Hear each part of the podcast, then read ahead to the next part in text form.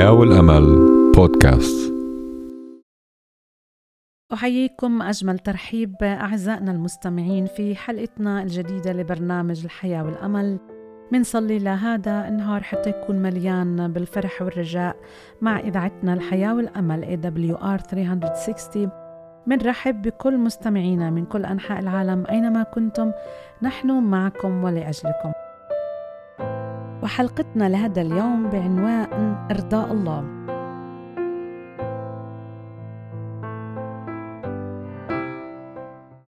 بيقول في سفر العدد إصحاح 6 وآية 25 يضيء الرب بوجهه عليك.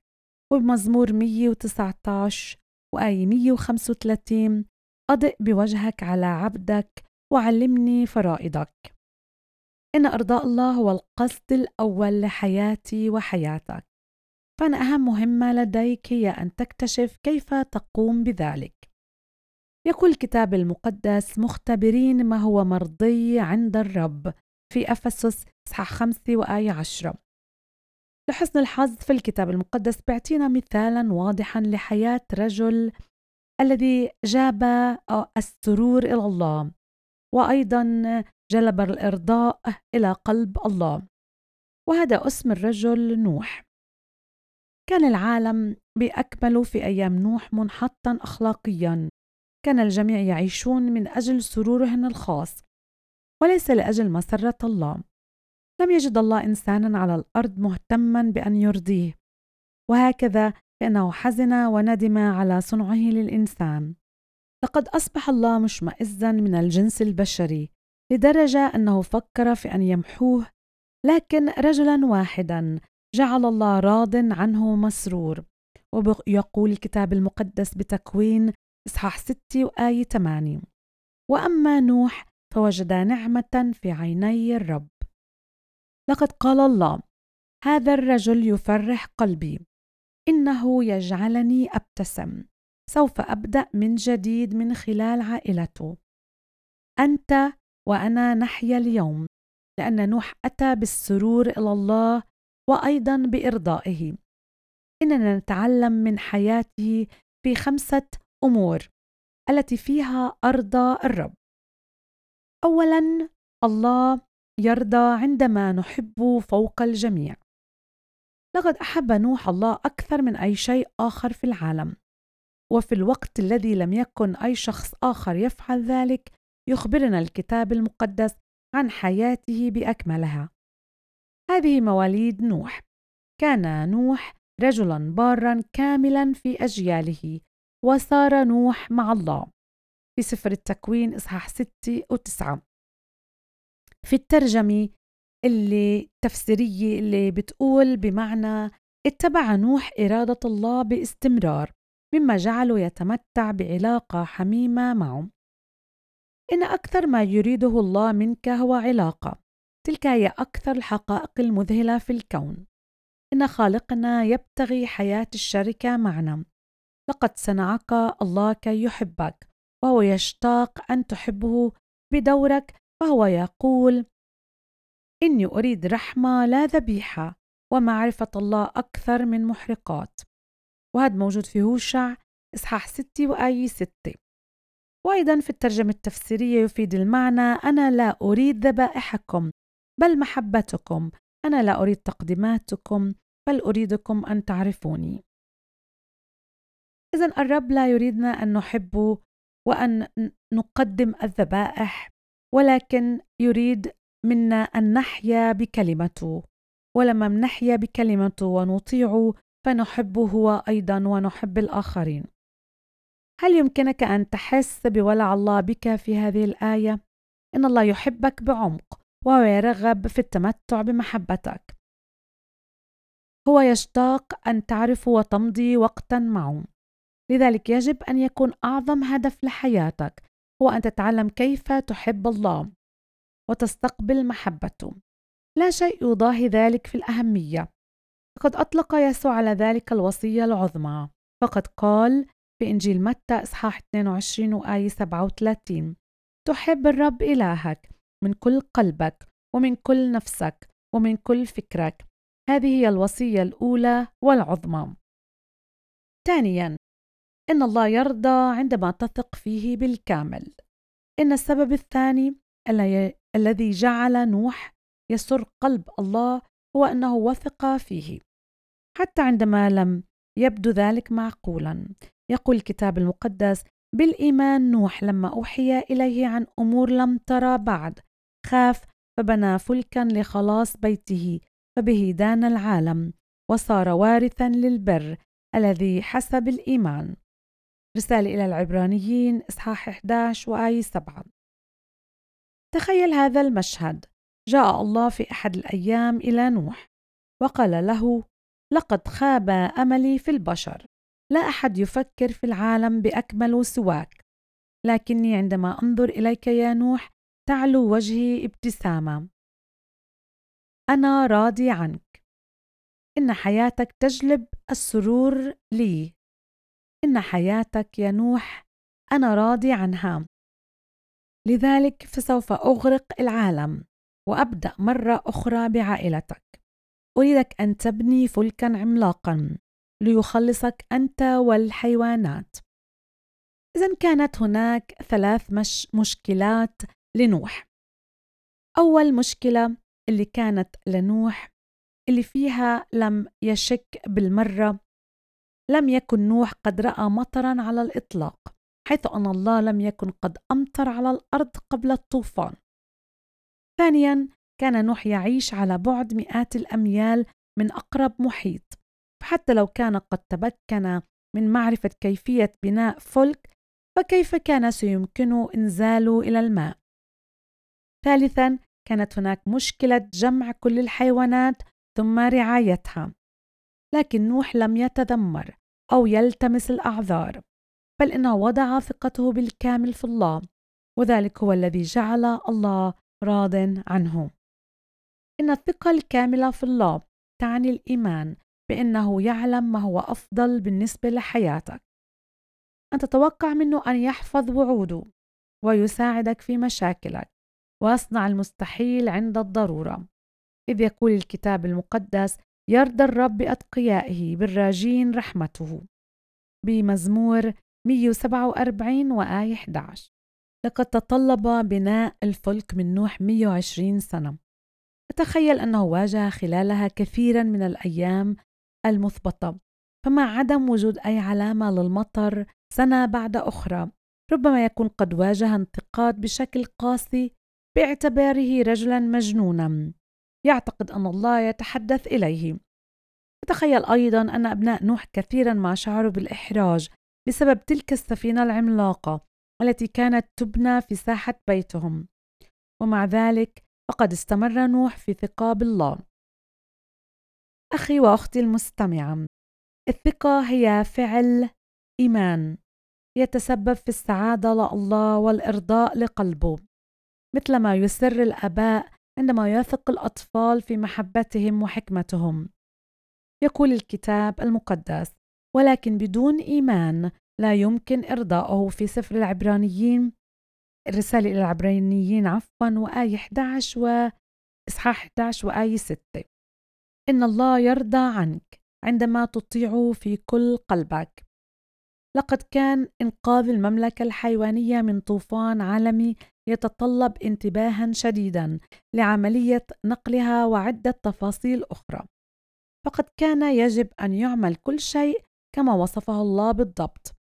إن الله لم يقل نوح ابن على مثال أي سفينة قديمة كما تحب لكنه أعطى تعليمات مفصلة جدا فيما يختص بالحجم والشكل ومواد بناء الفلك وأيضا الإعداد المختلفة من الحيوانات التي سوف يؤتى بها على سطحه. يخبرنا الكتاب المقدس عن رد فعل نوح ففعل نوح حسب كل ما أمره به الله. تكوين 6 وآية 22 لاحظ أن نوح أطاع تماما. لم يتغاضى عن أي تعليمات. أطاع الله بدقة في التوقيت بالطريقة التي أرادها الله. وذلك هو الإخلاص. والعجب إذن إن كان الله قد ابتسم لنوح وكان راض عنه. لو كان الله قد طلب منك أن تبني سفينة عملاقة ألا تعتقد أنه ربما يكون لديك بعض التساؤلات أو الاعتراضات أو التحفظات؟ ولكن نوح أطاع بدون سؤال. لم يكن لدى نوح أي منها. أطاع بكل إخلاص. وذلك يعني القيام بما يطلبه الله بدون أي تحفظات أو تردد. لا تؤجل وتقل سوف أصلي بخصوص هذا الأمر.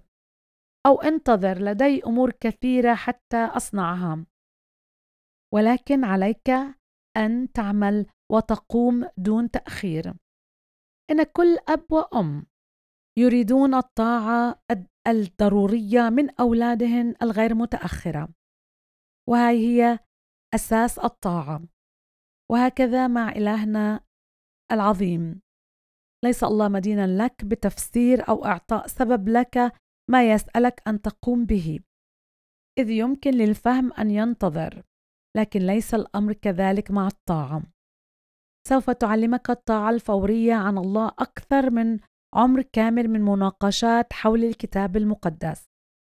بل إنك في الحقيقة لم تفهم أبدا بعض الوصايا. إلا عندما تطيعها أولا فالطاعة تفتح الطريق للفهم. إننا كثيرا نحاول أن نقدم لله طاعة جزئية حيث أننا نريد أن ننتقي ونختار ما نستحسنه من الوصايا وفيها نريد أن نطيع الوصايا التي نريدها. فإذ بنا نقوم بعمل قائمة من الوصايا التي تعجبنا ونطيعها بينما نتجاهل تلك التي نظنها غير منطقية وصعبة ومكلفة ومكروهة. سوف أحضر الكنيسة لكني أطلب الطاعة الجزئية. بإني لا أقدم العشور أي تقديماتي سوف أقرأ الكتاب المقدس ولكن لن أغفر للشخص الذي أساء إلي. ومع ذلك الطاعة الجزئية هي عدم طاعة. فالطاعة المخلصة تتم بفرح وحماس. فيقول الكتاب المقدس اعبدوا الرب بفرح. وأيضا بيقول داود علمني يا رب طريقك فرائضك فأحفظها إلى النهاية. في مزمور 119 وآية 33 كما قال يعقوب وهو يخاطب المؤمنين ترون إذا أنه بالأعمال يتبرر الإنسان لا بالإيمان وحده. توضح كلمة الله أنك لن تتمكن من استحقاق خلاصك إذ أنه يأتي فقط بالنعمة وليس بالمجهود.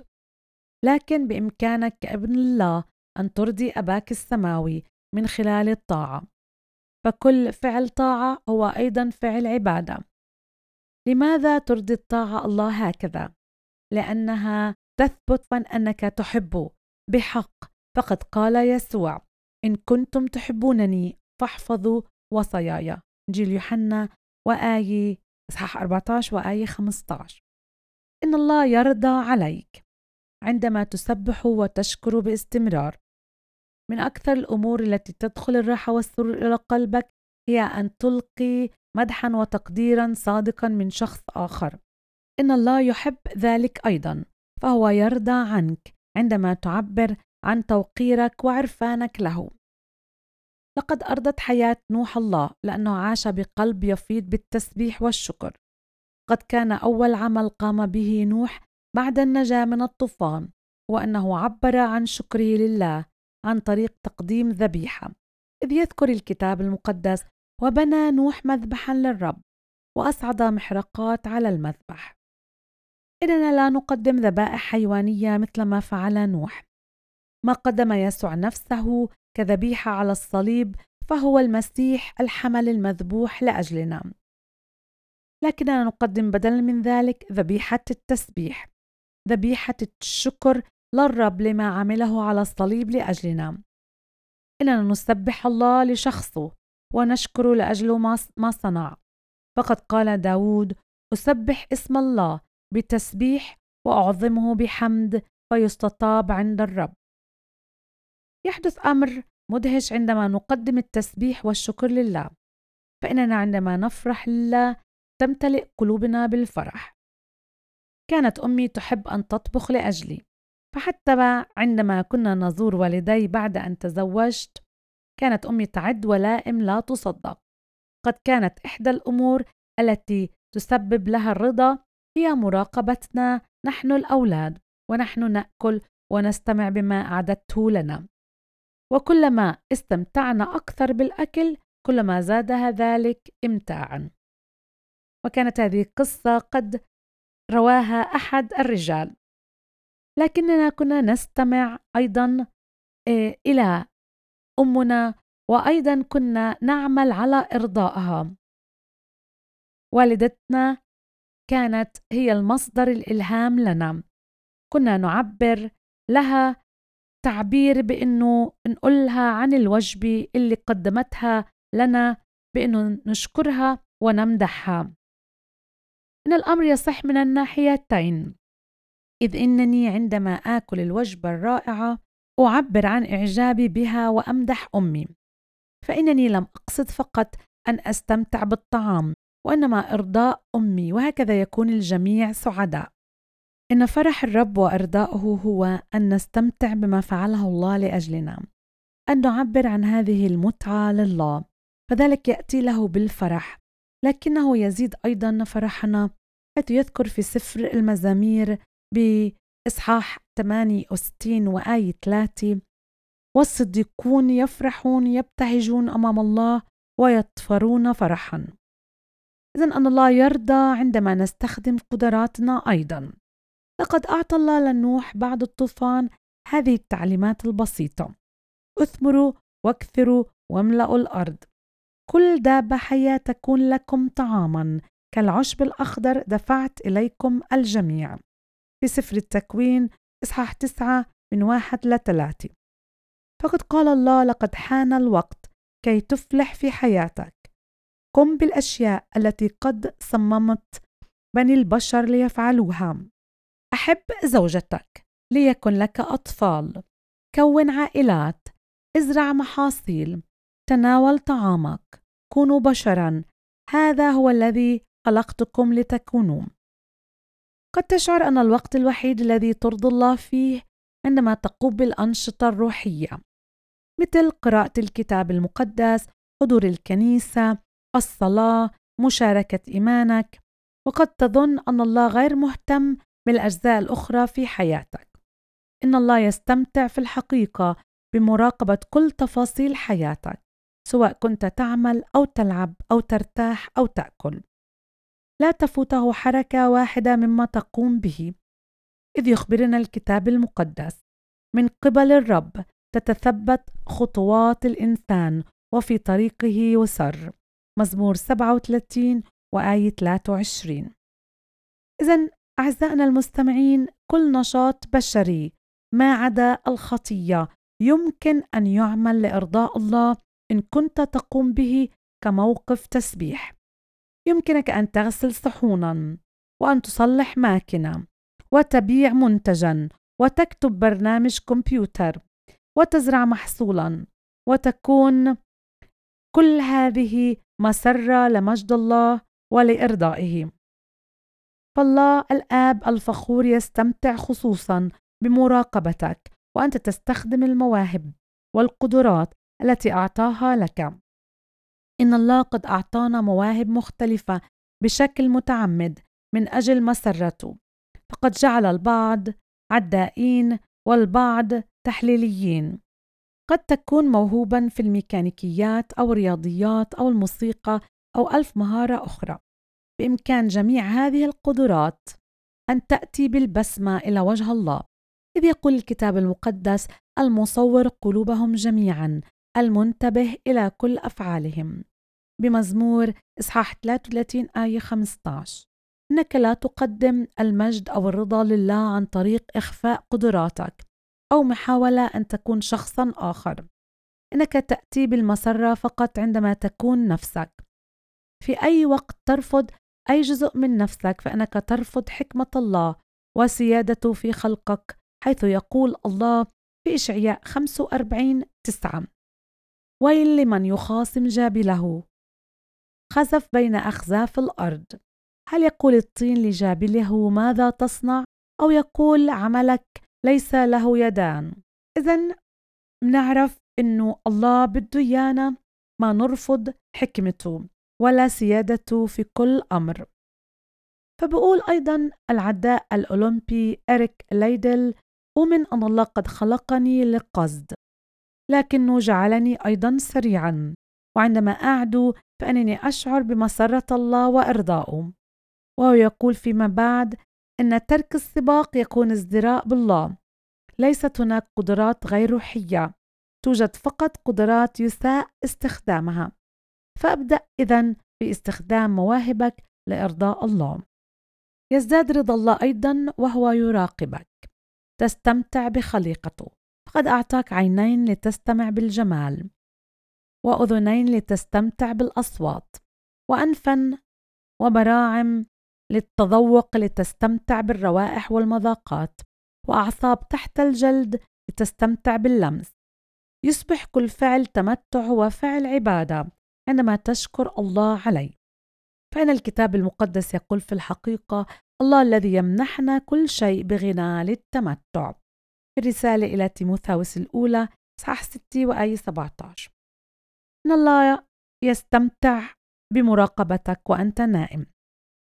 بيقول كاتب هذه الكلمات عندما كان أطفالي صغارا أتذكر كم كنت أشعر بالرضا العميق عندما كنت أراقبهم ينامون.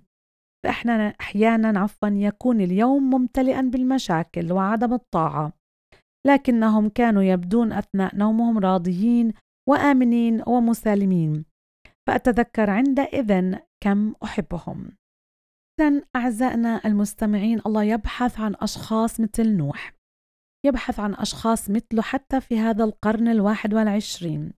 أشخاص يرغبون في العيش من أجل إرضائه فبقول الكتاب المقدس الرب من السماء أشرف على بني البشر لينظر هل من فاهم طالب الله. مزمور إصحاح 14 وآية 2 فهل تجعل إرضاء الله هو هدف حياتك؟ لن يكون هناك شيء لن يفعله الله لشخص مستغرق بالكامل في هذا الهدف. ونصلي أعزائنا حتى أن تأخذ هذا الهدف في حياتك لتحيا وتتعلم من نوح حتى تحيا لإرضاء الرب. وكما قال سفر العدد يضيء الرب بوجهه عليك. أعزائنا حلقتنا وصلت إلى الختام والتي كانت بعنوان إرضاء الله. نشكر حسن استماعكم ومتابعتكم معنا. منذكركم أنه بتقدروا تتواصلوا معنا في أي وقت. في أي سؤال واستفسار. وإذا احتجتوا للصلاة إحنا حاضرين هون حتى نصلي لأجلكم. كمان إذا بتحبوا تحصلوا على الكتاب المقدس راسلونا عبر بريدنا الإلكتروني hope at awr.org وعبر رسائل الواتساب على رقم زائد واحد اثنين أربعة صفر تسعة صفر صفر تسعة تسعة ثلاثة تسعة. تابعونا عبر منصات التواصل الاجتماعي من فيسبوك انستغرام ويوتيوب at awr slash arabic. والبث الحي المباشر لإذاعة صوت الحياة والأمل. وبتقدروا تتابعونا على مختلف منصات البودكاست من سبوتيفاي أنغامي أبل وجوجل بودكاست لإذاعة الحياة والأمل. أعزائنا بنلتقي معكم في حلقة جديدة من برنامج الحياة والأمل. دمتم برعاية الله ونعمة ربنا يسوع المسيح. مع جميعكم. وإلى